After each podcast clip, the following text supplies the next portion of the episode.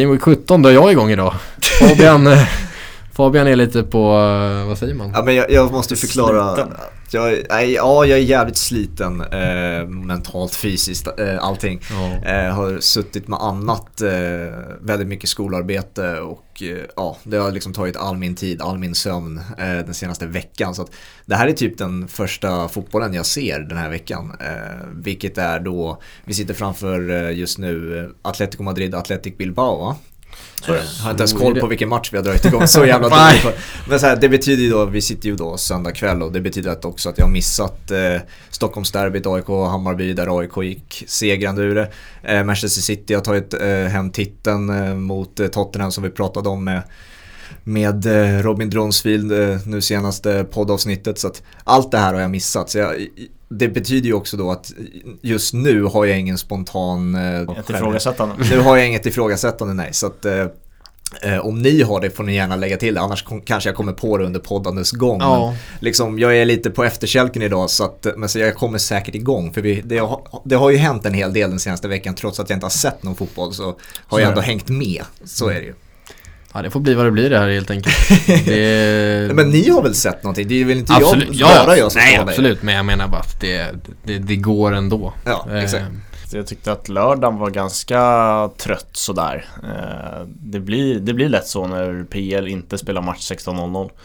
Eh, då känner man att jaha, vart tog alla matcher vägen? Eh, det oftast räcker med en Premier League-match 16.00 för att få de två timmarna att gå. Eh, men söndagen har ju varit en annan fart i direkt från början tycker jag. Lördagen spenderade jag framför Radio Tutto med Wilbacher och gänget. Väldigt, väldigt fin livesändning och väldigt fint koncept där liksom de gör ju väldigt mycket utöver podd, vilket vi också försöker göra, hitta nya koncept och det, yeah. det var ett jävligt härligt eh, radioformat som även gick att följa i, i bild, vilket jag gjorde. Eh, så det var främst det, eh, lite, lite speltips därifrån. Så att, det uppskattade jag. När det inte spelades sådär jätteintensivt med fotboll så fick man ändå höra ett, ett annat typ av fotbollssnack samtidigt som man följde lite matcher. Sådär. Men idag har det varit fokus Stockholmsderby såklart. Det är där min hjälte kommer landa i. Ja, ta den direkt då. Ja, men jag vill inte göra det så lätt för mig. Alltså, AIK är såklart min mm. stora hjälte den här helgen. Men det är ju ändå att göra det lätt för sig att ta ett lag. För då kan ju bara alternera mellan Liverpool och AIK. Liverpool är ganska långt ifrån att vara hjältar med tanke på den sista kvarten. ja, det är en blandad helg sett resultatmässigt. Exakt, liksom. egentligen hela den matchen. Det kommer säkert till den. Eh, men Nicola Stefanelli landar jag i som den stora hjälten. Han, jag tycker att han har varit riktigt bra sen han kom tillbaka eh, till AIK. Men främst varit i liksom det defensiva arbetet och lagt ner ett jävla gnugg där. Eh, och det är ju det där med målen för forwards. Firmino har fått mycket skit för det och när, när Mané och Salah har stannat så blir det ju också större fokus på att just det, Firmino gör ju inte heller några mål och det skadar laget.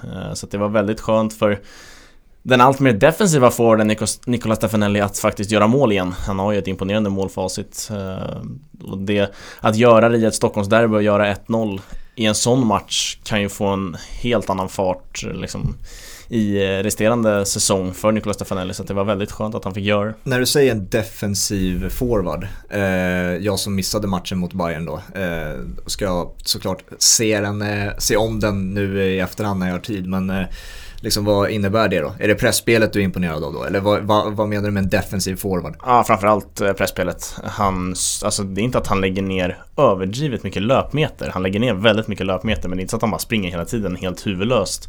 Utan han stänger väldigt mycket bra ytor och stänger en hel del uppspel för Bayern och gör det svårt för dem. Eh, och där är även Goitom med eh, som hjärnan bakom det men Stefanelli står för benen. Sen tycker jag inte, det var inte på alls något sätt att AIK bara la sig på försvarssidan eh, och liksom att det var därför man riktade fokus till det. Men jag tycker hela, liksom hela den här säsongen, de här tre första matcherna, även cupmatchen eh, som Stefanelli var med i, att liksom det har varit det defensiva gnugget man har fått lägga fokus på för att det inte har gjorts några mål. Eh, och det har han gjort väldigt bra. Jag tycker, liksom, jag trodde inte jag skulle jämföra Nicolas Stefanelli med Kristoffer Olsson men Niklas Stefanellis första touch är på Kristoffer Olssons nivå när han var i Allsvenskan. Den är helt magisk. Eh, han blir inte av med många bollar på första touchen och liksom börjar se lite embryon till hans eh, Rocky-fint eh, Koffe i Stefanelli också. Så att jag imponeras mycket av Niklas Stefanelli och väldigt skönt att han fick göra mål. Och som du säger Hampus, så är jag otroligt imponerad av Stefanelli. Han är, det är en mognare Stefanelli än vad vi har sett innan. Verkligen.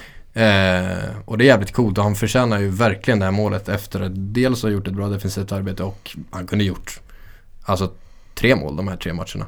Mm, Lika gärna. Eh. För att han har många, många bra chanser i övrigt. Så att ja, är riktigt kul. Det är den spelaren som jag nog är mest imponerad av i AIK hittills. Cup, eh. Cupfinalen i England så följde jag en del av. Jag sitter ju eh, jag sitter ganska långt fram i soffan när det spelas viktiga matcher. Eh, och då, då kan man ha en iPad på golvet nedanför så man kan mm. skifta lite fokus. sådär. Så jag, jag, jag såg hur den matchen tedde sig. Och det var väl minst sagt rimligt att Laporte nickade in 1-0.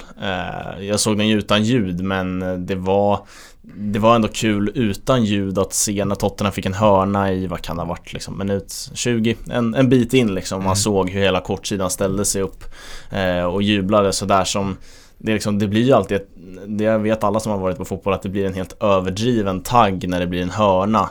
Mm. Och liksom spelaren får komma ut mot kortsidan och fansen känner att fan nicka in den här jävla bollen, kör nu liksom. Ja, och det ja. blir en jävla tagg och det såg man även utan ljud.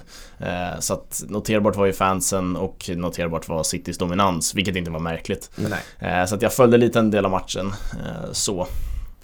Ja, nej men det, det, det, var mycket därför jag bytte faktiskt i halvtid. Eller vi som satt och tittade bestämde oss för att byta för att vi ville höra publikens jubel. För det gjorde, alltså Nej, det var fantastiskt. Eh, verkligen. Det var det. Yes, det var alltså, musik. I, som sagt, inte sett någonting. Men jag liksom passerade ju tvn eh, vid slutsignal av cupfinalen och eh, Joris har bollen, eh, de ligger ju under Tottenham eh, mm. i slutet där och de ska försöka forcera.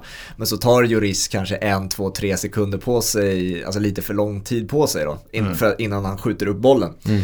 Och jag märker hur, alltså hur glädjen från att äntligen få vara på en arena till att frustrationen på sin spelare är bara Fan få upp bolljäveln! Mm. Liksom. Mm. Ja, men det där den, är... den switchade bara, det bara gick 90 minuter så ja. var man tillbaka liksom. Jo, jo. Det är ändå lite kul. Liksom. Men det är ju det, det, är det som också man vill se när folk är där. Man vill ju inte bara se att folk liksom man vill glada se, för att Nej exakt, man vill inte bara se att folk är glada för det ska ju vara det riktiga liksom. Men det är det man förväntar sig ja. lite. Alltså jag tänker så här att fansen kommer bara vara lyckliga. Det, det, här är ju fantasi i mitt huvud liksom. Det är såklart inte kommer bli så. Man tänker så här.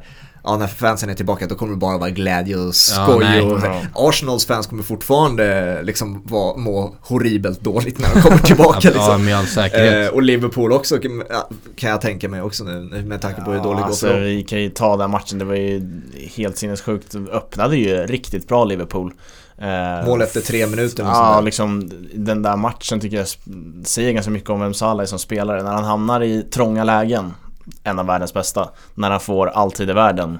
inte alls bra. Ja, liksom Raheem Sterling då. Exakt, ja. inte alls bra. Eh, men den liksom mottagning, vändning, avslut är ju på absoluta världsklass och då kändes det som att Liverpool också skulle ösa och det kändes det ju redan liksom i startelvan när man sätter upp ett defensivt eh, mittfält liksom, med Thiago Wijnaldum som inte alls är speciellt defensivt.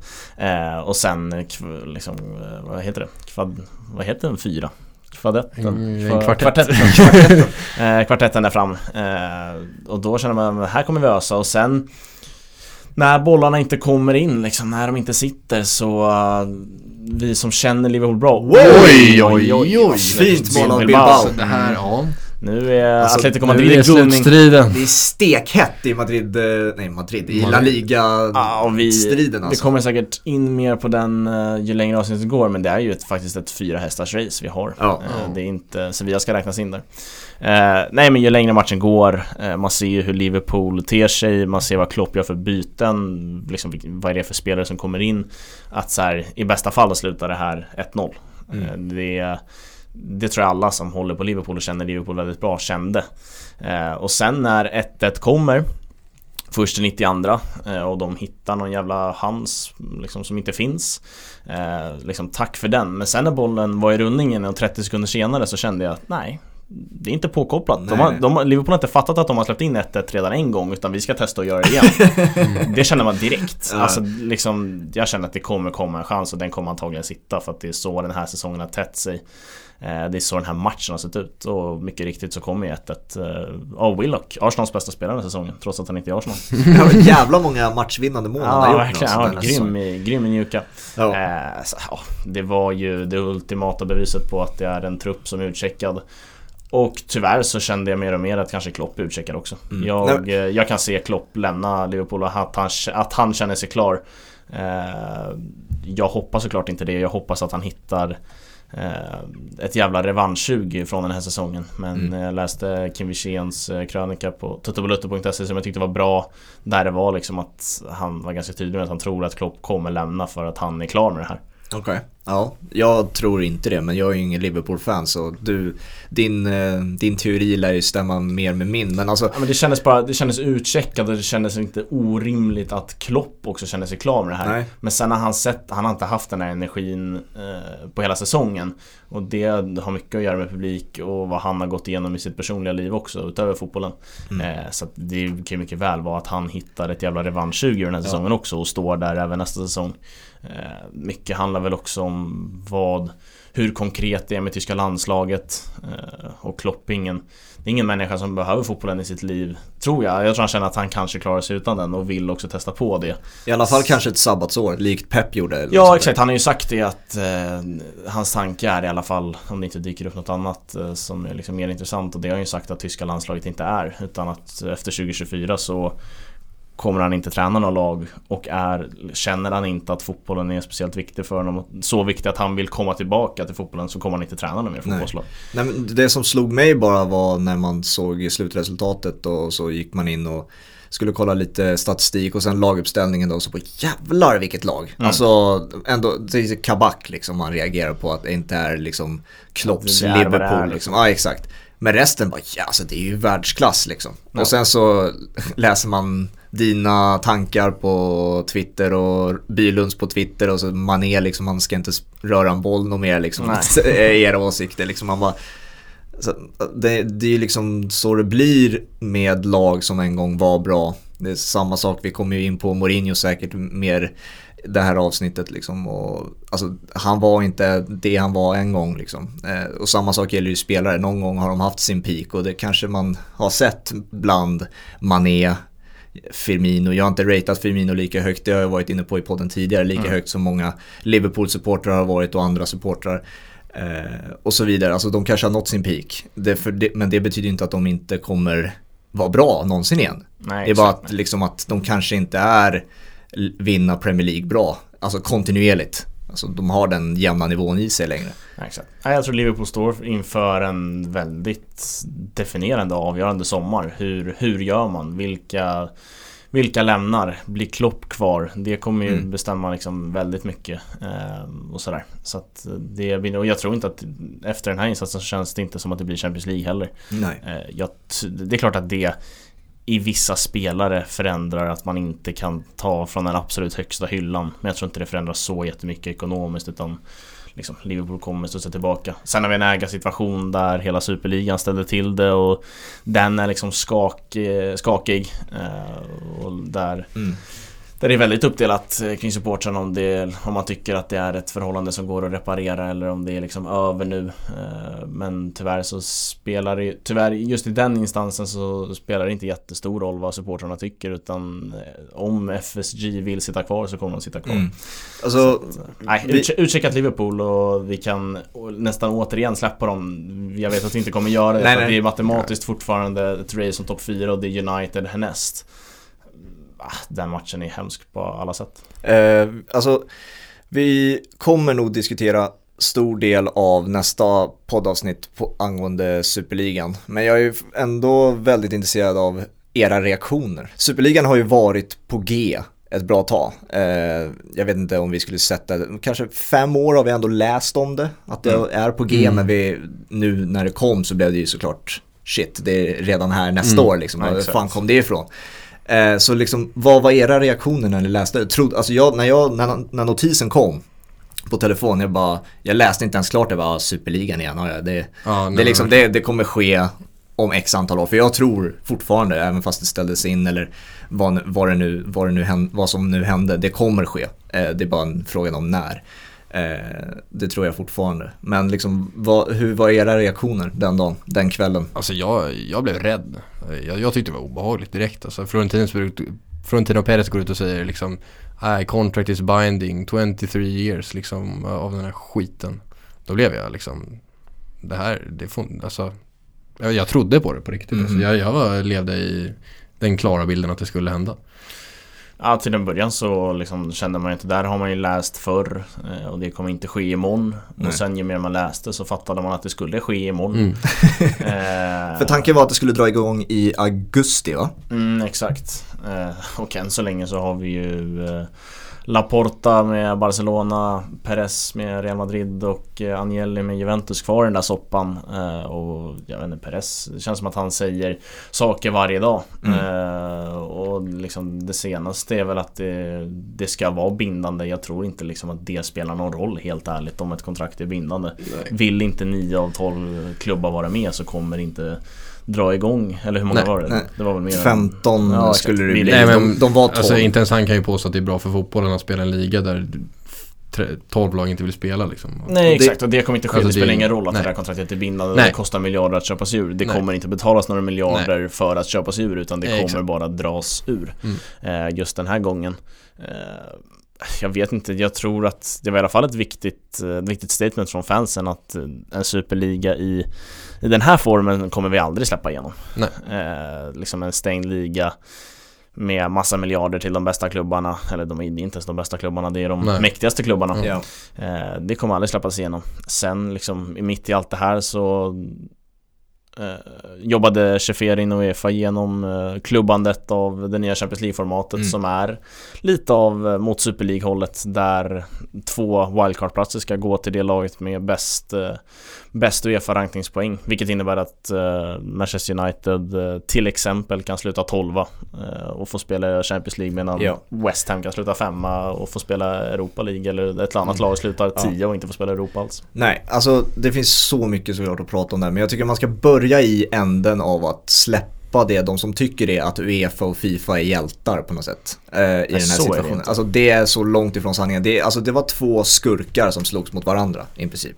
Eh, och Ja, och så det liksom... kom det en ännu större skurk i de här eh, klubbägarna. Ja, såklart. Mm. Eh, de vill ju ta ifrån oss den fotbollen som vi älskar idag. Ja. Men vi går åt det hållet med Uefa och Fifa i spetsen, alltså fortfarande med den här eh, ändringen av Champions League. Som du sa, det, det är vår variant, eller Uefas variant på Superligan eh, åt mildare hållet såklart. Men ja. alltså, vi rör oss ditåt. De här rika lagen har så otroligt lätt för sig att komma undan med så mycket. Det är bara att kolla på Manchester City förra året liksom, som folk har glömt, liksom FFP och sånt där. Ja. Sen eh, lag som vill tas över av miljonägare och miljardägare som Newcastle hade vi förra året till exempel. Det blir inte av för att om det sker då kommer alla de här topp 6-lagen i England bli förbannade på Uefa och eh, FA och Premier League och sånt där. Och de vill ju inte göra dem missnöjda, topp top 6-lagen. Så att det bara, nej Newcastle ni får inga nya ägare men här får ni andra topp 6 lite, lite mer pengar så ni kan mm. spendera och så vidare. Ja, exakt, just i Newcastles fall så var det ju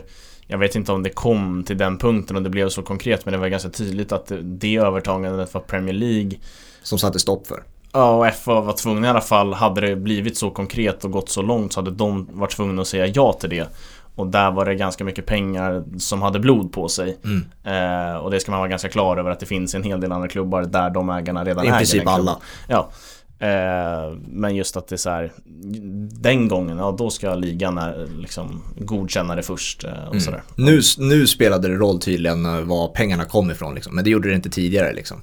Nej, och det, det är klart att uh, de här stora pamparna ligger bakom att det liksom, ja. ja. nu, nu är det läge att införa ett stopp så att mm. inte fler klubbar kan bli Nej. mäktiga som oss. Och sen så, det, det som blev mest irriterad på när det kommer till Uefa, att de låtsas vara förvånade. Eller att de, om de är förvånade, det, det tror jag inte en sekund på egentligen. Att de, att de här miljardärerna och mil, miljonärerna agerar som miljonärer och miljardärer. Liksom. Mm. När du bjuder in dem till bordet att diskutera fotboll och hur du vill globalisera fotbollsvärlden och så vidare. Och sen så visar det sig att de hade eh, e-, alltså egoistiska tankar och de ville tjäna mer pengar och så vidare.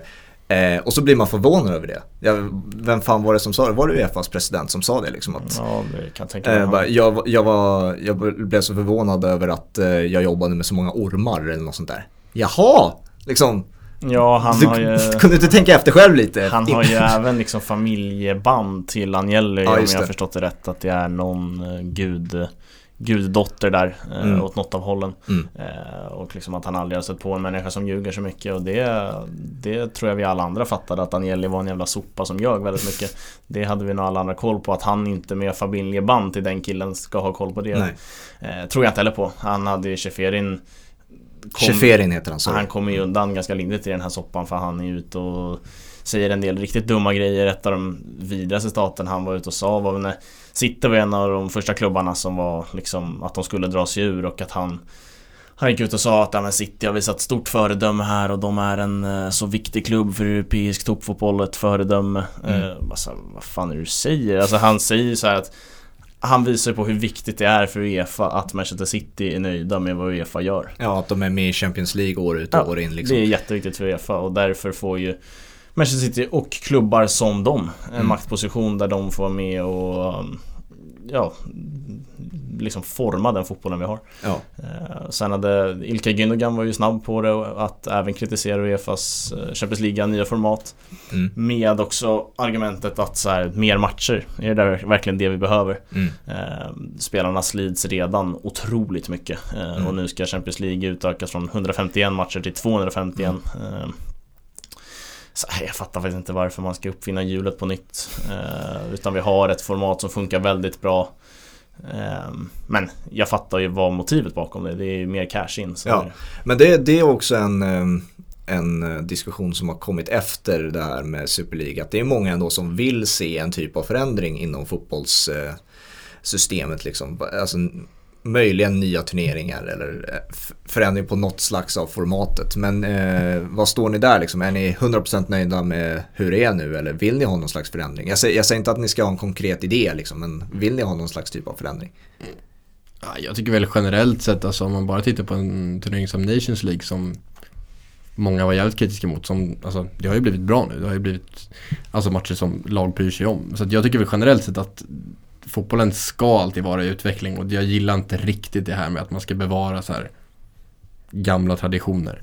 Nej. Jag tycker att det är generellt sett, alltså inom allt, inte bara inom fotboll liksom. Alltså så här, det är en tanke som inte tilltalar mig alls. Eh, att man ska, jag vet inte fan, det, det, går alltid att förädla och liksom modernisera. Mm. Tycker jag, generellt sett. Sen har jag ingen konkret idé. Jag tycker att Champions League funkar och alla de här, det funkar bra liksom. Nej, men jag håller med. Jag, jag tycker också att man alltid ska, det har varit mitt motto genom hela podden liksom att eh, bra är bra men det betyder inte att det, inte, att det inte kan funka bättre. Liksom. Eh, och det, lite så ser jag fotbollen också. Nu, och utan att ha en konkret idé så gillar jag ju idén av att ha fler toppmatcher. Inte, inte bara mm. för att det är stora klubbar, alltså Atletico Madrid som spelar mot, eh, säg Chelsea varje vecka. Det är inte det mm. jag är ute efter utan bara kvalitet av fotboll. Mm. Eh, och det är där jag står, jag är, jag är ingen supporter av en klubb på det sättet så att eh, när, när, jag fick ju frågan liksom så här, men Fabian du måste ju älska den här superligan-idén liksom. Mm. Och det, jag, nej, såklart inte. Jag, jag förstår ju och, eh, alla fans där ute som blev missnöjda med all rätt och att, vi, att det finns ett värde i att ha de här Manchester United möter Burnley för att sen ta sig an City mm. veckan efter. Alltså det, alltså det finns no utöver fansen finns det också någonting med kvaliteten av att man uppskattar att det finns olika varianter på kvalitet inom fotboll. Ja, och, men ja. Alltså, jag skulle däremot på något sätt, jag vet inte hur det ska gå till, men se lite oftare kvalitetsmatcher eh, utan att skapa en superliga. Ja, absolut. Och sen så tycker jag inte man ska överdriva liksom det här Champions League, visst det har funnits Uefa Cup och Europa Cup och allt det där men Champions League den formades ändå i sin i dagens form liksom 1993 eller vad det är. Mm. Så det är inte så här, oj vi måste bevara Champions League exakt som det är bara för att det är jätte, en jättefin tradition som vi har här. Visst, bevara liksom Championship-slutspel och allt det där, det är så. Men Champions League tycker jag man kan, det får man, det är fritt att göra vad fan man vill med så länge det blir bättre liksom. Mm. Tycker jag. Och det, jag ser ju hellre, alltså jag älskar det här Champions League-formatet vi har just nu med 32 lag, eh, 8 grupper. Jag ser ju dock hellre alltså en tillbakagång i hur kvalificeringsplatserna ser ut. Topp 4-ligorna får tre var och så ska fyrorna kvala. Mm. Eh, mycket större chans för fler lag att komma in. Eh, och det fattar jag att det är totalt omöjligt för att det är de med pengarna som styr fotbollen, det är de som vill ha mer. Så ja. de tänker inte ställa sin plats till förfogande. Mm. Utan de vill ju ha klar den platsen Eh, och liksom egentligen så skulle väl England vilja ha sex lag. direkt, direkt i Champions League. Ja, absolut. Och det var väl det som lite visade på hur, med Superligan också, var var pengarna fanns någonstans. Alltså Exakt. sex stycken klubbar liksom bara flög in ja. där liksom. Ja. Nej men som, som fotbollssupporter och som fotbollsälskare så tycker jag att det finns en otrolig charm med att Liverpool måste ta sig förbi Hoffenheim med ett kval. Mm. Mm. De gick hela vägen absolut. till en final.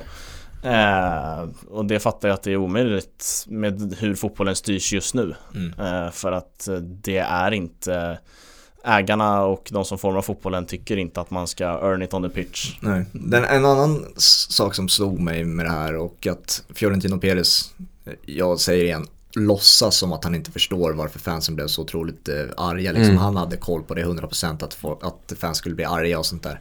Eh, men med det sagt så tror jag också att de ändå inte riktigt förstår eh, syftet med tävling och eh, att vara liksom konkurrenter och sånt där.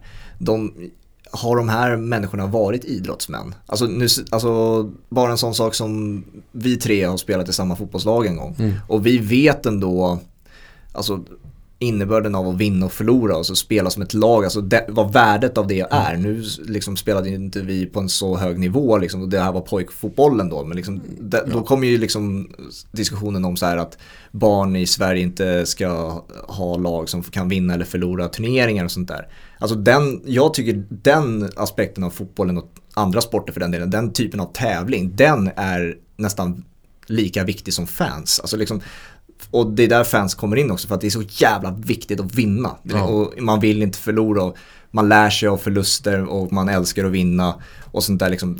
Den typen av, alltså, jag tycker den delen av fotboll och sport glöms bort ofta. Mm. Och det är därför jag hatar eh, den, den, här idén med, vi har i Sverige, det är väl så nu att man inte kan vinna serier innan man är 13 år och sånt där. Jag ja, hatar det. Man får ju knappt nicka bollen i Ja, nej, det är det totalt världsfrånvänt. Liksom det, det, jag vill inte bli för filosofisk nu, men liksom det, man lär, det är någonting man kan ta med sig i, i vanliga livet också, liksom. inte bara inom sport. Liksom man, ibland vinner man och ibland förlorar man. Ibland har man motgångar, ibland har man medgångar. Liksom. Det, mm, ja, lära, det sig, funkar, han, liksom. lära sig hantera det. Det är, liksom, Exakt. det är det vi pratar om i rutin. Kolla på i liksom Mikael Lustig, Sebastian Larsson, Henrik Goitom i dagens derby. Man blir liksom tårögd i positiv bemärkelse när man ser de sista tio med dem. Mm. Att de har liksom rutinen för att vinna en match och döda en match som de leder med 2-0. Mm. De vet betydelsen av tre poäng. Eh, sen just den matchen handlar det också väldigt mycket om supportrar. Eh, det gör det inte på den nivån, men att redan från en ung ung ålder lära sig betydelsen av tre poäng är jätteviktigt. Ja. Eh, och att hävda att folk skulle bry sig om att sitt lag vinner Super League eller att laget i sig skulle bry sig om att vinna Super League. Det tror jag inte på. Nej. Det handlar om att dra in cash och att Jag vet inte, att vinna en sån liga tror jag på riktigt hade betytt mycket mindre än en Champions League Trots att man kan hävda att det är mindre konkurrens i Champions League mm. eh, För att i en superliga så skulle du möta ja, men bara bra lag. Mm. Eh, Tottenham är med så att vi vet inte om... Nej men då, och, och de lagen, lagen lär ju Nej, alltså här, bara bli bättre och bättre Ja det finns och mer att så här, komma nia i Superliga, det var ju ingen fara. Då var vi ändå nia i världen. Skulle ju liksom, skulle ju lagen ja. och klubbarna känna. Men äh. det tyckte jag också var så jävla roligt under den dagen eller de där 24 timmarna när nyheten kom att alla lag som var med torskade eller tappade poäng. Real Madrid exakt. tappade poäng, Arsenal äh, tappade poäng ja. mot Fulham, Tottenham torskade, ja, allt det där liksom. Man bara, vad fan är det här? Det var så jävla talande. Just efter eh, själva announcement, alltså vissa lag hade redan tappat poäng innan Innan det där gick ut, men efter så kändes det på riktigt som att eh, Liverpool och Chelsea var lite tagna av stunden. Ja, ja. Det kändes som att Men de har väl gått ut och erkänt det liksom, hela Chelsea-truppen var liksom, vi var ju alltså, att vi var helt chockade liksom. Ja, alltså, det, det, den matchen, Chelsea-Brighton, det var den överlägset tråkigaste matchen på hela den här säsongen. Ja. Ja. Och där var det mer liksom viktigt vad som hände utanför med liksom, mm, protesterna och allt ja, det där. Mm. Eh, och att det gick igenom och det var väl under den också kvällen som allting rasade samman egentligen. Jag hörde också en Arsenal-fan som tog upp en bra poäng, alltså sett ur spelarens perspektiv. Alltså tänk dig som en spelare som Baki Osaka till exempel, som precis har kommit fram mm. eh, och slagit sig igenom och är nu en eh, regelbundet bra spelare i Premier League. Liksom. Han har karriären framför sig, han är ung, han ska få spela i landslaget och så kommer det här liksom. Mm du kommer inte få spela för ditt land mer. Du kommer inte få spela framför dina fans mer antagligen. Inte på samma sätt i alla fall. Du, och fotbollen rör sig mot det här globaliserade, liksom som eh, fighting och allt annat där. Att Eh, med det menar jag så här att boxningsmatcher och MMA-fighter de tar sig till Abu Dhabi numera. Mm. Liksom, för där finns pengarna också. Liksom. Samma sak, det är det jag menar med att Superligan eh, inte är över. Det är dit vi rör oss mot. Att fotbollsmatcher kommer spelas på de här globala arenorna för att få in ännu mer cash och sånt där.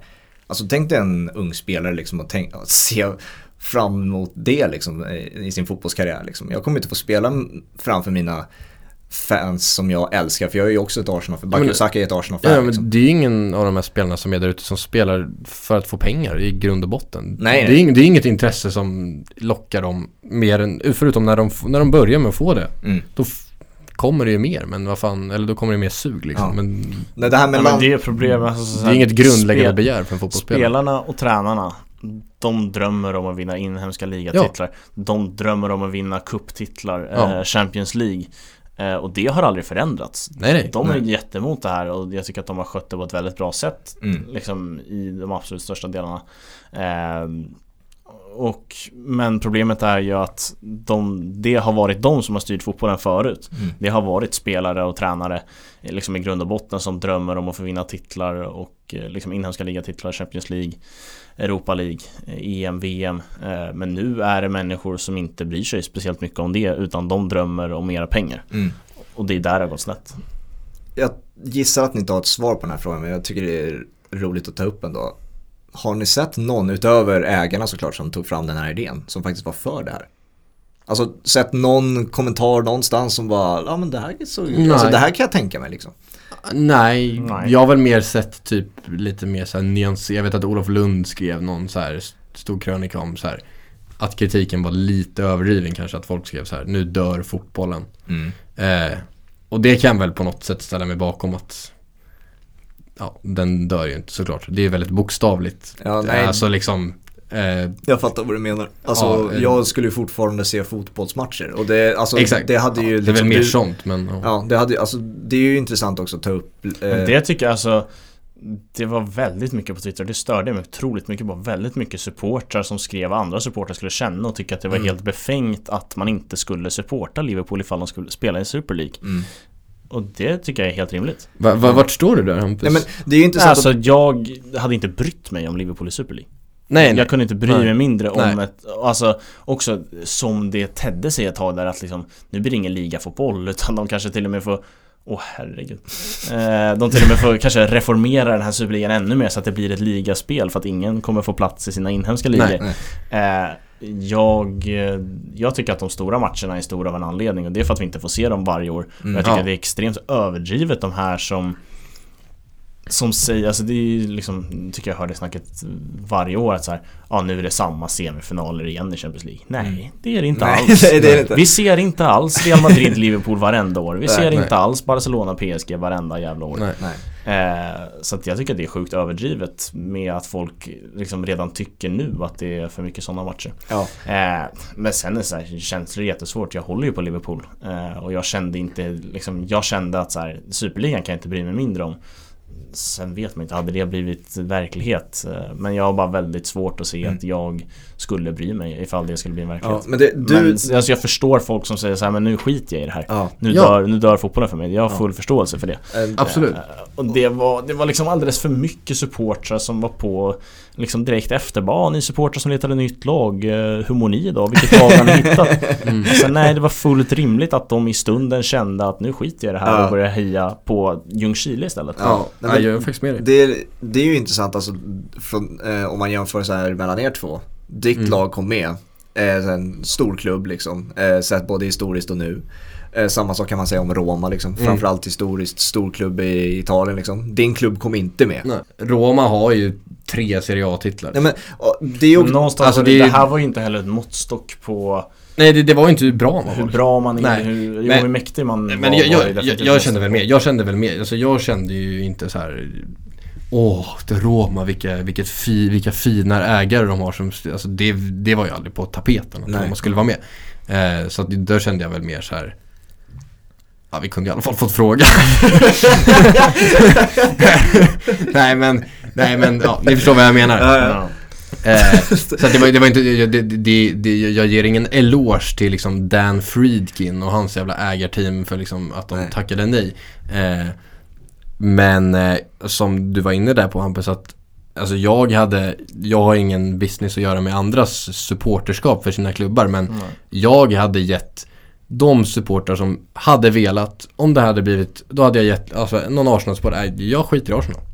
Mm. Alltså på riktigt. Ja. Jag hade gett den personen ett free pass för att det är in, då är inte den klubben det man började heja på. Nej, nej, exakt. Alltså då är det en klubb som skiter fullständigt i supportrar. Mm. Och det är den personen den då är. Men det, alltså det, jag, det, det, det är liksom, det är inget snack för nej, mig. Jag, jag fattar vad du menar men det är viktigt också att skilja på att det här är inte, alltså det här är inte representativt det här representerar, det här beslutet av att man gick med i Superligan, det representerar inte hela klubben.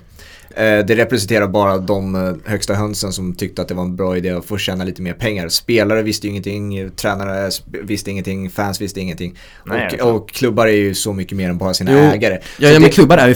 Och det, ja, exakt. Och det är därför det känns så jävla orättvist när en ägare liksom tar namnet, tar tröjorna, tar klubbmärket som många brinner för, många vill liksom dör för sin klubb liksom. Och bara tar det och bara nej, den är inte din längre utan den ska mm. vara ute på liksom, världskartan och liksom tjänas pengar på innan vi är klara med den. Liksom. Det var ju det som var syftet. Mm. Ja, jag, alltså, jag tycker Gurra säger bra att så här, den klubben blir, din, det blir något helt annat än det man började heja på. Det är inte din klubb. Och hur, nej exakt, och hur kan man då inte säga att den människan har all rätt i världen att bara skita i allt vad den där klubben står för ja, mm. eh, Och det var liksom banter i visst håll att så här, Leeds döpte om eh, lagen i sitt spelschema till Merseyside Reds och de här klassiska eh, pestnamnen. Men det blir så här, jaha det där är Merseyside Reds, det där är inte Liverpool Football Club. Nej, nej. Det där är något helt annat. Mm. Eh, nej och sen alltså det, det, det här blev ju väldigt präglat av USA och hur liksom sporten i USA ser ut. Där är ja. det stängda ligor.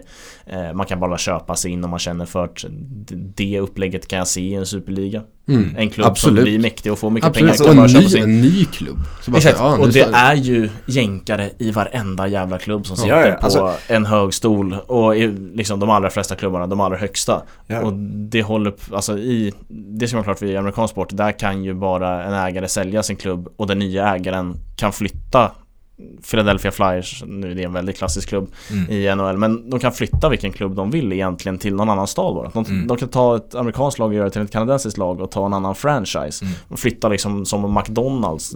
bara flytta, flytta det och gör det till en Pizza Hut. Nej, ja, ja, men det, är, det, det, det, det, det här blir liksom. Man, man flyttar, ja. man bara drar emblemet. Mm. Vilket man har liksom som ägare noll rätt att göra men de har liksom köpt sig den rätten på något sätt. De bara drar emblemet genom skit och det på andra sidan blir det något annat. Mm. Och om då supportrarna inte vill stå igenom det där mm. då, då liksom har man full respekt för det. Nej men man, vi rör ju, alltså jag har ju redan sagt vad jag, ungefär, vad jag ser framför mig fotbollen kommer landa, toppfotbollen kommer landa någonstans med alltså, eh, upplägget av det. Vi, alltså vi kommer ha våra, ägarna vill ju liksom äga rättigheterna till att titta på klubben liksom. Så att de vill ju inte att Sky Sports ska liksom i England äga rättigheterna till att se deras fotbollsmatcher spelas utan de vill ju äga det liksom. De, vet ni vad The Zone är till exempel? Nej, eller vad, ja, eller det, menar du det här det? Ja, det, ja, Daz, exakt, Dazen, ja. ja, exakt. Men The Zone, det är en, eh, jag tror det är amerikanskt, eller är det brittiskt, något sånt där. Eh, alltså, om du köper, du prenumererar på The Zone som kostar, vad kan det vara, 100 kronor i månaden, sånt där, typ som Netflix och så har du tillgång mm. till alla fighter liksom, som The Zone eh, äger. Liksom. Mm. Eh, vilket är MMA, boxning och så vidare. Eh, samma sak tror jag att det kommer landa i inom fotbollen. Alltså, du, om du vill eh, om du vill följa ditt lag Liverpool på en mm. global scen där de spelar i Abu Dhabi, de spelar i USA, de spelar i Sydamerika, mm. överallt liksom. Då bara, eh, då följer du dem eller du betalar en eh, månadsavgift liksom på, i, i din app liksom. Eh, mm. Och följer Liverpool världen över liksom. Mm. Det är så jag ser eh, fotbollen röra sig mot liksom. Och i och med att Perez säger att eh, fotbollen eller superligan inte är över, inte ens i närheten, att det kommer ske. Vilket jag också tror, vad ska man säga? 20 år, kan vi mm. vara där då? Alltså jag tycker inte det är jätteöverdrivet. Ja, ja, nej, nej, men jag, jag ser också den vägen men jag blev Jag blev otroligt imponerad och otroligt glad över alla de reaktioner som Superligan väckte. Mm. Uh, och där tycker jag också att så här, snacket blev felvinklat i vissa håll att så här Jaha, fattar ni först nu att fotbollen är kapitaliserad? Så mm. bara, nej det gjorde jag inte. Men jag fattade nog inte att de här planerna var så här nära. Nej. Och det är möjligen naivt av många och vissa satte sig på den höga hästen och sa men jo men det här hade jag koll på. Ja mm. men vad bra då. Gör något åt det. Eh, jag hade inte koll på det. Nej. Eh, liksom, och jag är imponerad över de många reaktionerna som kom på det. Och jag ser också en väg där fotbollen liksom kan helt skita i det där. Mm. Jag, måste jag, bara säga, det där var det sjukaste inkastet jag sett. jag såg också, såg som han, hoppade, han hoppade för det första in på plan innan han gjorde inkastet, sen så drog han. Det såg ut som att han skulle byta rygg. ja, jag ligger pendel i hela kroppen. Nej men jag ser också en väg där fotbollen kan gå ifrån allt det här. Mm. Eh, det är klart att liksom, fotbollen har länge varit styrd av de som har cash och det är liksom Big Six kallas Big Six av en anledning mm. och hamnar mm. ofta högt upp i tabellerna.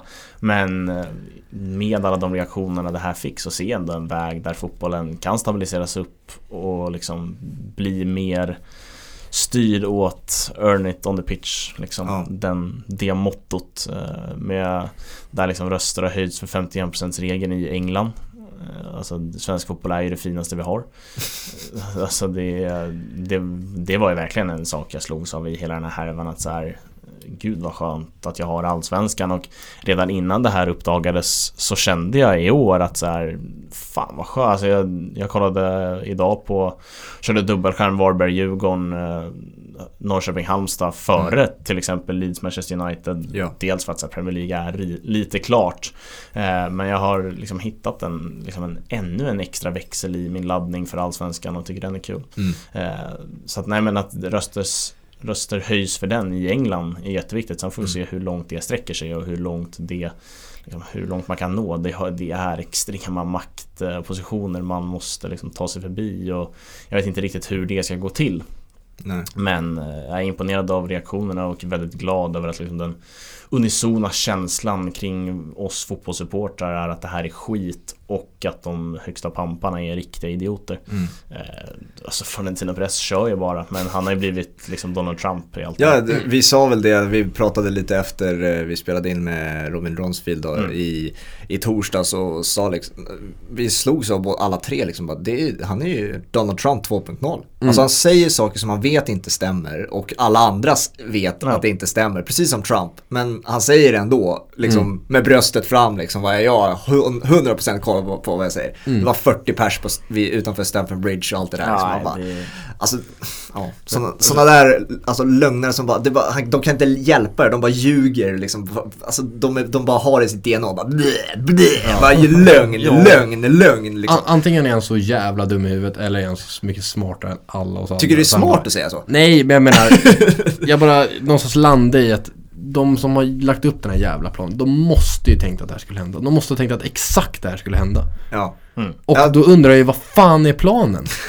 För att de måste vara smartare än mig. För så jävla smart är inte jag. Ja för de, alltså man kan inte vara hur, jävla, hur jävla Till och med jag kunde räkna ut, och de måste räkna ut att det här skulle hända och vad gör vi då och vad gör vi då och vad gör vi då. Men det, det här det, scenariot måste nästan funnits med i deras planer. Ja och det är därför jag säger att så det kommer ske. Så vad fan händer nu då? Det, det kommer ske, det är bara att det är framskjutet. Det är det, ja, det jag säger. Alltså, jag tror det finns ett scenario där liksom pengarna och makten och alla de människorna de Alltså de som har tagit sig till de här maktpositionerna oavsett klubb, hur ren man än tror att klubben är mm. Så är det ju människor som har stampat på folk och liksom ja, men slagit sig förbi mm. folk med rätt oschyssta medel För annars får man inte så mycket pengar som Nej. de har och så mycket makt som de har Det kan nog finnas ett scenario där de tror att vi ska köra över även supportrarna mm. Ja. De är inte mäktigare än oss och jag tycker det fick ett ganska tydligt svar att just i den här frågan så är supportrarna mycket, mycket mäktigare.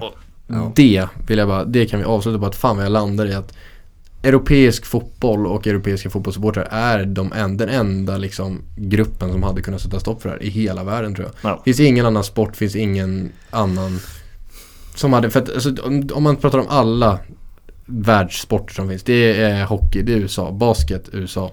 Ja, hockey USA och Ryssland liksom. Ja. Det är ännu värre. Golf, USA, bara USA. Det, det, kommer nya bonusar varje år. Ja. Det kommer nya liksom topp 10 rankingar, topp 30 rankingar. Det är miljoner hit, miljoner dit. Och det accepterar folk för det finns inte samma supporterkultur och det finns inte samma kärlek för klubbar. Men och trots att liksom fotboll är den sporten som går att göra absolut mest pengar på och europeisk fotboll är ju redan ägd av liksom jänkar hit och jänkar dit. Men Ja, det är, det är jävligt häftigt att se. Äh, alltså, måste jag säga. Det, det, det är det jag landar i just, eh, just nu. Verkligen, som du säger så jag hävdar med all tydlighet att det finns ingen större kraft än nej. fotbollssupportrar som går ihop och jobbar för nej. samma nej. Alltså, nej, det är, otro, det är så otroligt imponerande. Ja. Liksom. Och, men jag kände också när Jamie Carragher, jag vet inte om ni såg Sky Sports, alltså liksom bara 12 timmar efter, eh, efter den här nyheten eh, blev officiell då att eh, Super League skulle bli, bli av liksom, så satt de sig i Sky Sports-studion och pratade om det i mm. ungefär en timme. Och Jamie Carragher sa liksom Liksom när alla namn, när det var klart liksom att de här 12 klubbarna skulle vara med. Han bara, jag tror inte att det här är över. Alltså jag tror att fansen, han var tydlig med att fansen kan ändra på det här. Om mm. alla, mm. Alltså, alltså går ihop och protesterar och säger vad de tycker liksom. Då mm. kommer mm. det här stoppas. Och jag satt och tittade på det här och bara, Alltså fan du är alldeles för optimistisk. Alltså, Det mm. finns inte en chans att, alltså, de här miljardär, miljardärerna de bryr sig inte ett piss om vad fansen har att säga. Och sen bara 12 timmar senare efter det programmet så sitter vi där och alla Premier League-klubbar drar sig ur och sådär. Bara, det hände. Det tog 12 timmar och det hände! Ja, det liksom, ja, men alltså den, den passionen, liksom styrkan som Gary Neville och Jimmy Carragher snackade med och liksom om eh, det Alltså det var väldigt fint och jag tror inte man ska underskatta det för att liksom, det där är stora profiler i England. Ja. Och att de gick ut och fördömde det så hårt Det drog nog med ett par på tåget det också. Mm. Eh, sen liksom, de är ju Det är ju vad det är, det är gamla storspelare som är pandits idag men mm. de, de hade kunnat prata mindre passionerat ja. om det än vad de alltså, gjorde. Det, det, det var ju också något jag irriterade mig på. Det här blir ett sidospår och hänger ut eh, Klopp lite som en sur puppa igen här. Men mm. liksom, Eh, alltså när det blev officiellt på minuten där i Sky Sports, det var väl i samband med en match eh, också tror jag. Eh, Manchester United precis hade spelat något sånt där. Så ja, var Gary Neville satt på arenan och så fick han prata om vad han tyckte liksom bara sekunder efter att eh, det blev officiellt. Och så sa han så här, nämnde han Liverpool liksom och sa att det är en historisk klubb och deras eh, alltså de baserar sin klubb på att you never walk alone och sånt där. Och så sa han väl typ att jo nu får ni fan walk alone liksom. Sa han ja. åt det hållet liksom. Och då tar ju liksom Klopp, han tar åt sig av det där liksom. Och säger det i sin intervju dagen, alltså dagen efter. Eh, att va, Gary Neville, eller han antydde ja. att Gary Neville eh, sa fel eller något sånt där. Att han, att han tyckte att det var ett påhopp och sånt där. Men kom igen Klopp. Alltså allting är inte mot dig nu liksom. Du, Nej, chilla lite för Gary Neville hoppar ju på allt och alla där det jag liksom kan förstå att Klopp känner sig träffad Det är för att Klopp dras med i det här. Och just i all hysteri så blev det ju som att liksom Då fick även spelare och ledare skit alltså, Hela liksom Liverpool hur Sen blev det ju det där riktat mot liksom Sheikh Mansour John W. Henry mm. Mot liksom de enskilda personerna som styr klubbarna. Eh, Jag förstår om Klopp känner sig träffad och liksom inte vill dras med i det där.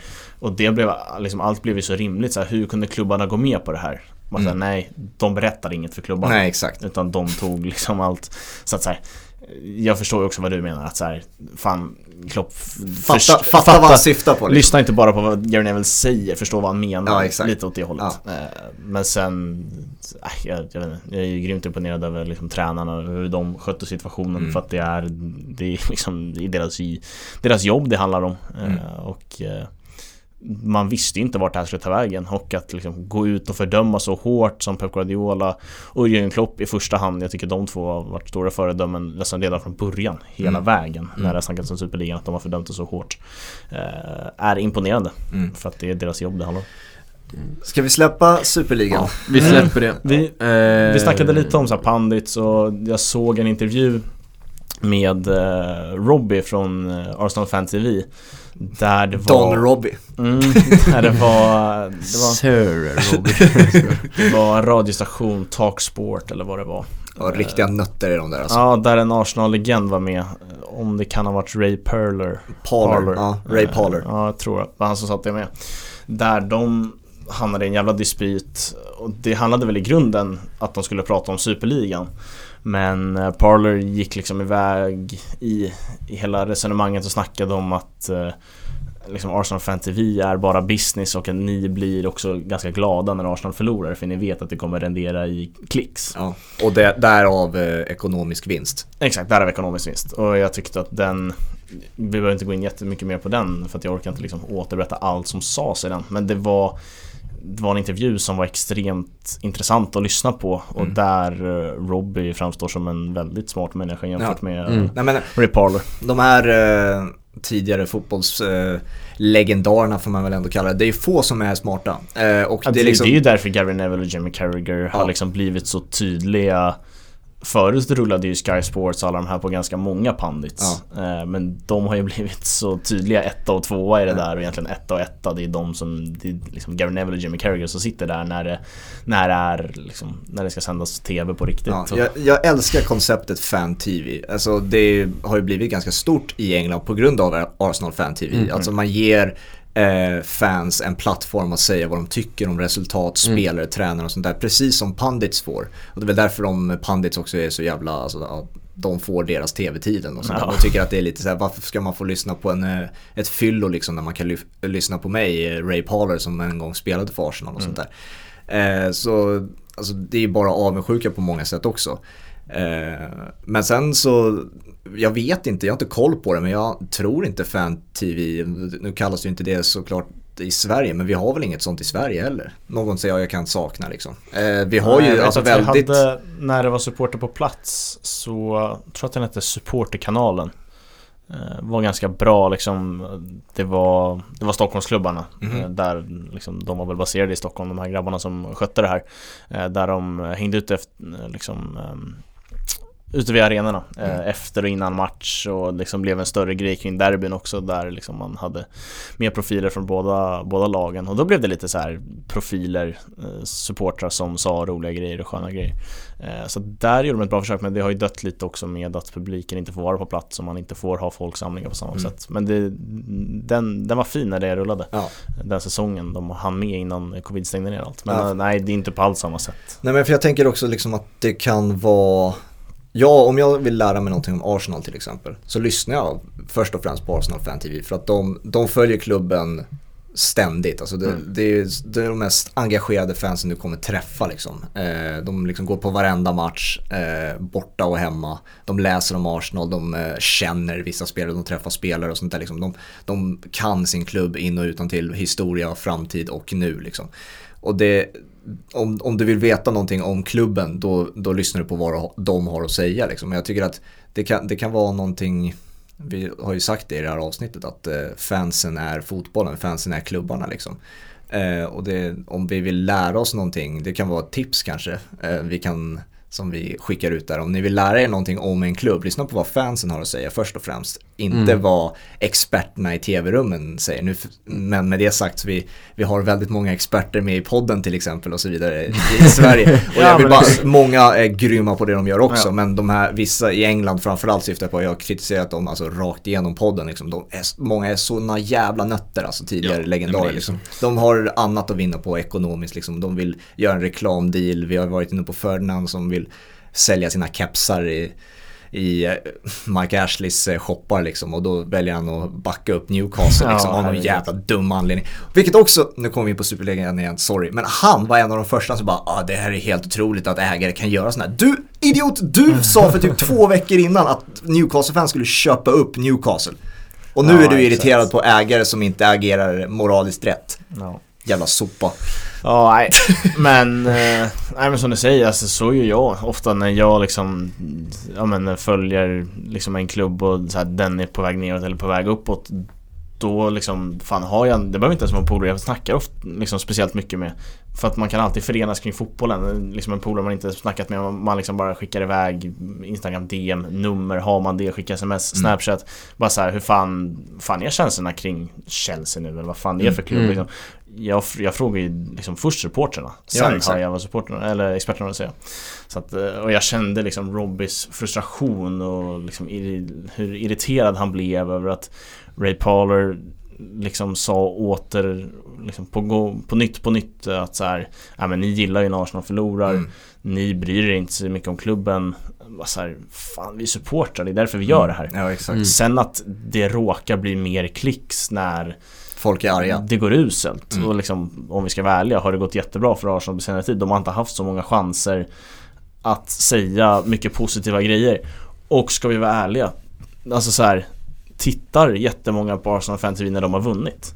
Mm. Det kanske är ännu bättre då. Mm. Alltså de kanske, kanske säger Jaha. mer, alltså jag fattar att inte humorn är samma grej. Men de kanske säger jättebra, det tror jag. Ja. Eh, liksom, det är klart, jag tror inte Ray Pollard ens tittar på Arsenal Fan TV när de vinner. Nej, Utan han nej. ingår i den skalan också som bara tittar på när de förlorar. Mm. Och det är en grej att vi som håller på andra lag eller inte håller på något lag alls kollar på dem när de förlorar för det är ju roligare.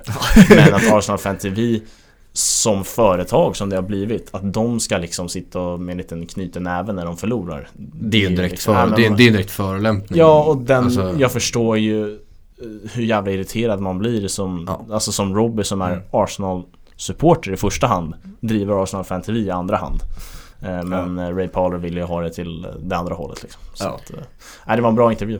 Ska vi avsluta med en fråga som jag undrar var ni står någonstans. Vi pratade lite Mourinho eh, med Robin Dronsfield såklart, han har ju precis lämnat Tottenham. Men det vi inte pratade med Robin om var Mourinhos framtid. Vad tror ni han landar? Den är ju intressant i och med att han har ryktats till liksom Celtic. ja, okay. Och jag tyckte att redan efter han fick sparken från Manchester United att det kändes som att nu är kanske toppjobben förlorade för José Mourinho. Mm. Och sen handlar det om José Mourinhos ego. Han är ju inte beredd att ta, eh, liksom, ta bara ett Newcastle som ett exempel. Han är inte beredd att ta ett lag som krigar i botten eller i liksom nedre Nej. halvan Nej. av en tabell. Eh, och då känns ju Celtic som ett väldigt liksom, bra val så. Mm. För att Mourinhos ego säger att han vill vinna titlar. Ja det gör man i Celtic ja. Ja, där finns liksom ett jävla race att ta upp mot Rangers som har verkligen liksom De har inte bara gått upp jämsides med Celtic den här säsongen utan de har ju gasat förbi. Um, sen, alltså jag vet inte. Mourinhos fotboll känns så extremt daterad. Ja. Utdaterad. Alltså jag har ju varit inne på Mourinho-cykeln tidigare. Eh, den ser exakt likadan ut varje gång han får sparken. Och eh, vi kommer, han kommer dra till Portugal nu, sola lite och sen så kommer han tillbaka ny, nyklippt och sen så kommer han... Jag kommer tillbaka när man minst anar det. Ja, så är det. Liksom. Dyker upp i en tv-studio, ja. antagligen Sky Sports och så pratar han eh, fotboll och har bättre analyser än de andra som vi varit inne på tidigare. Mm. Usla tv-pandits som finns i England och så bara, åh jävlar den här killen måste vara tillbaka på tränarbänken. Och så, är han, mm. eh, och så kommer han någonstans till en eh, toppklubb där han är, kanske egentligen inte förtjänar att vara längre. Eh, men det jag ville fråga dig Hampus, alltså när det kommer till engelska klubbar och vi liksom checkar vilka han har varit i och vilka därför han inte kan vara i. Du, Land, du kanske förstår... Landa, landa den här frågan när den landar, hur är liksom nej, nej, nej. nej lyssna på vad jag säger nu. Han har varit i Manchester United så han kommer aldrig, antagligen inte vara i Manchester City. Nej. Han kommer inte bli accepterad in där. Framförallt också för att Pep Guardiola har varit där och nej, alltså, han, alltså Mourinho kommer det inte där, bli... Det där är också lite snett, det där går. Ja det, det, går men jag ser ja, men det, inte Det går inte i mitt huvud. Det, jag ser inte hända för att Nej men man ser inte hända. Det är klart det går. Han det, det, det, det, Okej, det kan hända men det är väldigt, väldigt osannolikt. Sen ja, så nej, har vi... Jag han, kom, ser inte heller han kommer inte, gå till, han kommer inte gå till Arsenal. För att uh, han har varit i Chelsea och Tottenham. Uh, Just, just nu pratar det ser jag ju mer hända. Alltså det kan också hända. Ja, jag öppnar upp dörrarna ja. lite men det, alltså det, i så fall är det om tio år, fem år, tio ja, år. Möjligt. Det jag också ser hända om tio år för att de, han, han har liksom inte tränat Everton. Jag kan se honom i Liverpool. Mm. alltså, alltså bara tror... på, på grund av namnet och, och ge det tio år. Liksom, ja. På grund av namnet Hur han är. Hur är han då? Ja, men han, har ju, han började ju relativt ung men han kommer mm. vara 60 bast då kanske. Ja han är inte äldre alltså. Jag Nej. tror han kan landa i Liverpool alltså. Jag, mm. jag tror inte att uh, José Mourinho inte kommer landa i en engelsk topp 6-klubb på grund av klubbtillhörighet för den har han inte. Han nej, har nej, han bryr sig inte om det. Mm. Han kan hamna i city om Det är mer fansen liksom absolut vägrar. Det är det jag tänker. Ja, jo absolut. Alltså jag tror inte att han hamnar i en engelsk topp 6-klubb på grund av hans meriter på senare tid. Jag tror inte att han kommer komma tillbaka på den nivån att det kommer öppna sig en chans att träna ett engelskt topp 6-lag igen. Jag tror att det här var det sista giget. Okej, okay. säg att, för att jag tror inte han landar i Premier League nu, men mm. han, han helt klart älskar Premier League mest. Han kommer komma tillbaka till Premier League, det är jag nästan säker på. No, eh, det kan jag absolut säga. Han kommer landa i nu till exempel i om det går dåligt för Porsche, PSG. Eller eh, om Zidane väljer att lägga ner, han har fortfarande jättebra relation med Perez, kan landa i Real Madrid. Antonio Conte är möjligen på väg ur Inter, kommer landa i Inter då i så fall. Eh, Porto eh, kan det möjligen finnas en eh, öppning därför. Och sen har du varit inne på Celtic. Alltså alla lag som jag nämnde där, där finns det chans för troféer. Och han kan, boll, han kan hoppa mellan de här klubbarna som jag nämnde nu. Och ge det 5-10 år så är Liverpool-fönstret öppet. Ja, alltså problemet är att han behöver göra det så pass bra som han gjorde det i början av sin karriär. Ja, han vinner några eh, inhemska titlar. Nej, men det räcker går inte. relativt långt i Champions Det räcker inte. Han, det, han, har skadat, nej jag fattar för mig För också. dig så han kommer har, det inte hålla. han har skadat sitt legacy så mycket med den här Tottenham-sessionen, det är jag alldeles säker på. Mm. Det, det var ingenting som blev bra. Det, var, det var Harry Kane som blev ja. bra. Och att hans man management är bra, alltså han kan ju hantera fotbollsspelare men han kan ju inte hantera människor. Nej. Usla fotbollsspelare klarar inte den killen av helt plötsligt. Alltså så här, han har ju kunnat utveckla spelare på ett alldeles fenomenalt sätt. Kan vi pika här till en tränare som vi inte behöver nämna vid namn men som ja, alla, men det är exakt, alla vi har tränat exakt, det är exakt samma ord som jag använt Som jag använt till den tränaren. Alltså så här, vissa tränare Hans son gjorde mål idag. Men alltså så här, Det är det är liksom en konst att kunna hantera människor också. Och det bevisligen så, bevisligen så klarar inte José Mourinho av det. Nej. Eh, och den här Tottenham-sessionen har skadat jättemycket. Ja, alltså absolut. Eh, men jag... Han, jag vet inte, alltså han behöver ju dessutom byta ut sin spelbok. Ja, han, men det, det han säger vi liksom... varje gång och det kommer aldrig ske. Nej, och då tror jag inte att han hamnar i en engelsk topp 6-klubb. Det har jag väldigt, väldigt svårt att se. Tror du inte han kan spela den fotbollen som han gjorde nu? Och senast i Manchester United? I Nej. ett lag som Inter. I Serie A. Jag, ja, tror, jag, jag, tror att, jag tror det skulle gå Men engelsk topp 6 eh, tror jag liksom kommer springa ifrån honom. Men när du sa Inter så kände jag också att där, där fanns det en jag vet inte, det var en fin relation till Marco Materazzi men jag tror också att det var en fin relation till hela Inter. Ja, fansen älskade honom. Exakt, och det handlar liksom ja, där är det ju, det har man ju sett på Contes session. Det har inte varit mycket och det har inte handlat mycket om att utveckla unga spelare. Nej. Utan det har handlat om att plocka in spelare som kan vinna titeln här och nu. Och nu gör de det i år. Mm. Eh, och att Mourinho liksom går för titlar, det vet vi. Eh, mm. Så att absolut, Inter kan jag absolut se. Men jag tycker att Celtic hade varit eh, spännande. Och jag tror att det hade, det hade, det hade Liverpool mått bra av i längden. Att eh, Steven Gerrard får, får matcherna av José Mourinho.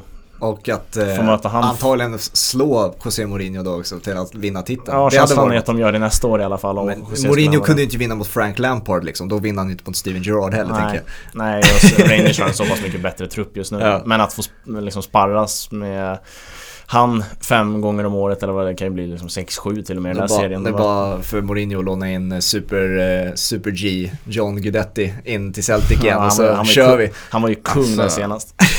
Men fan vad hans uh, målgest skrek jag har inte gjort mål på två år, hur gör man? Springer runt lite, sträcker ut tungan. Jag och... förstår inte hur den människan lyckas få så mycket uppmärksamhet när han gör ett mål Det är John, det är Super-G, det är John. Det är... Ja det förstår jag, för alla älskar John. ja, det är John John. alltså ja, ja, jag förstår ju att det är så, men jag menar han måste ha en sån jävla otrolig eh, förmåga inte, att få folk att älska honom. Men alltså. såg du inte spelarna också? När, eh, nu fattar jag. Jo, jo men det, var ju folk, det var ju folk som lirade med honom för fem år sedan skrev grattis ja, John, liksom. Vi ska dela alltså, på storyn Folk liksom. älskar den gubben alltså. Ja men det är, det är otroligt, alltså, det, han ska bara ha en eloge liksom. Det, men det tycker så, jag också, men... alltså det har vi snackat om förut, att det är fog nog för att han ska vara med i en EM-trupp. Sen ja. vet jag inte om Sverige är det landet där vi har råd att plocka med folk Inte nu, men vi hade det för två år sedan. Som inte är tillräckligt bra, men liksom som Tyskland som plockar med Podolski som inte alls var tillräckligt bra för en tysk landslagstrupp det året han var med sista.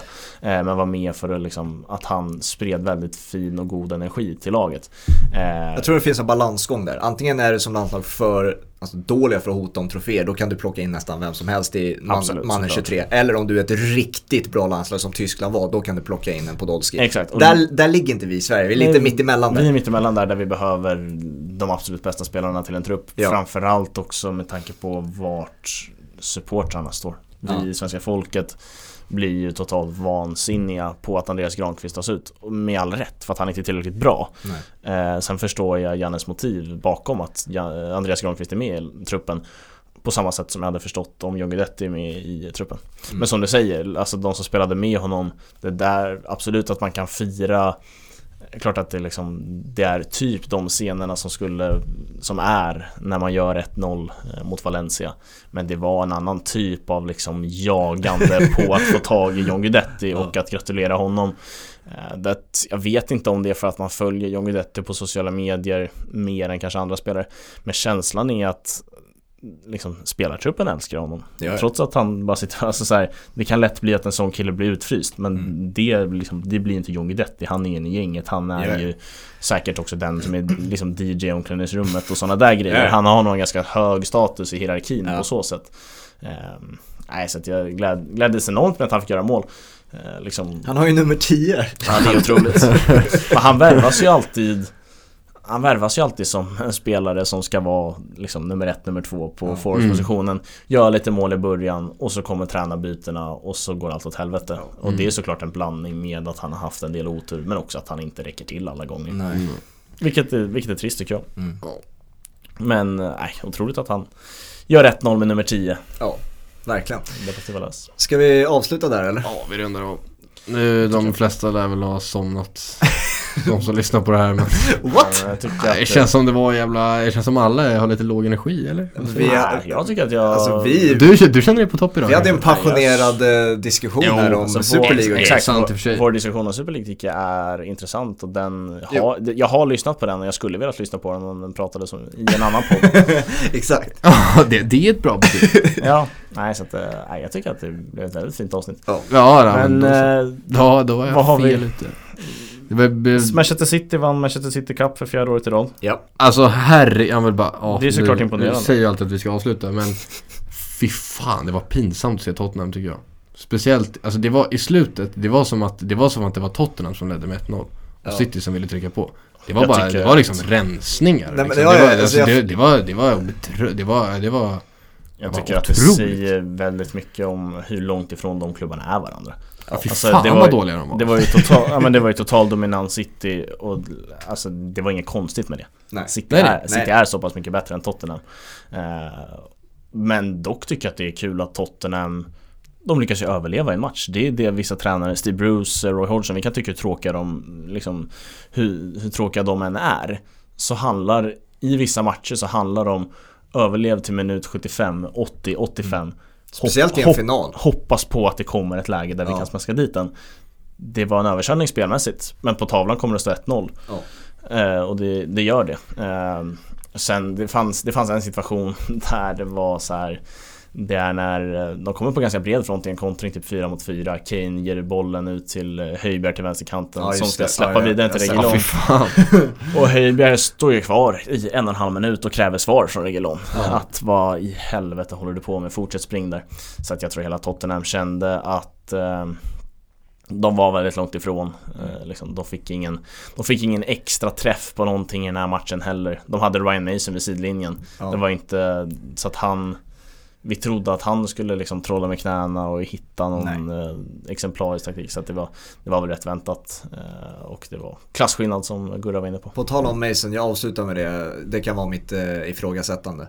Jag såg på Twitter efter matchen att ja, Sky Sports töntar ja, alltså, så lägger upp en grafik där de jämför Pep Guardiola och, Mason, alltså ja, deras tränarkarriär och Mason, haha, två matcher och sånt där. Jävla töntar.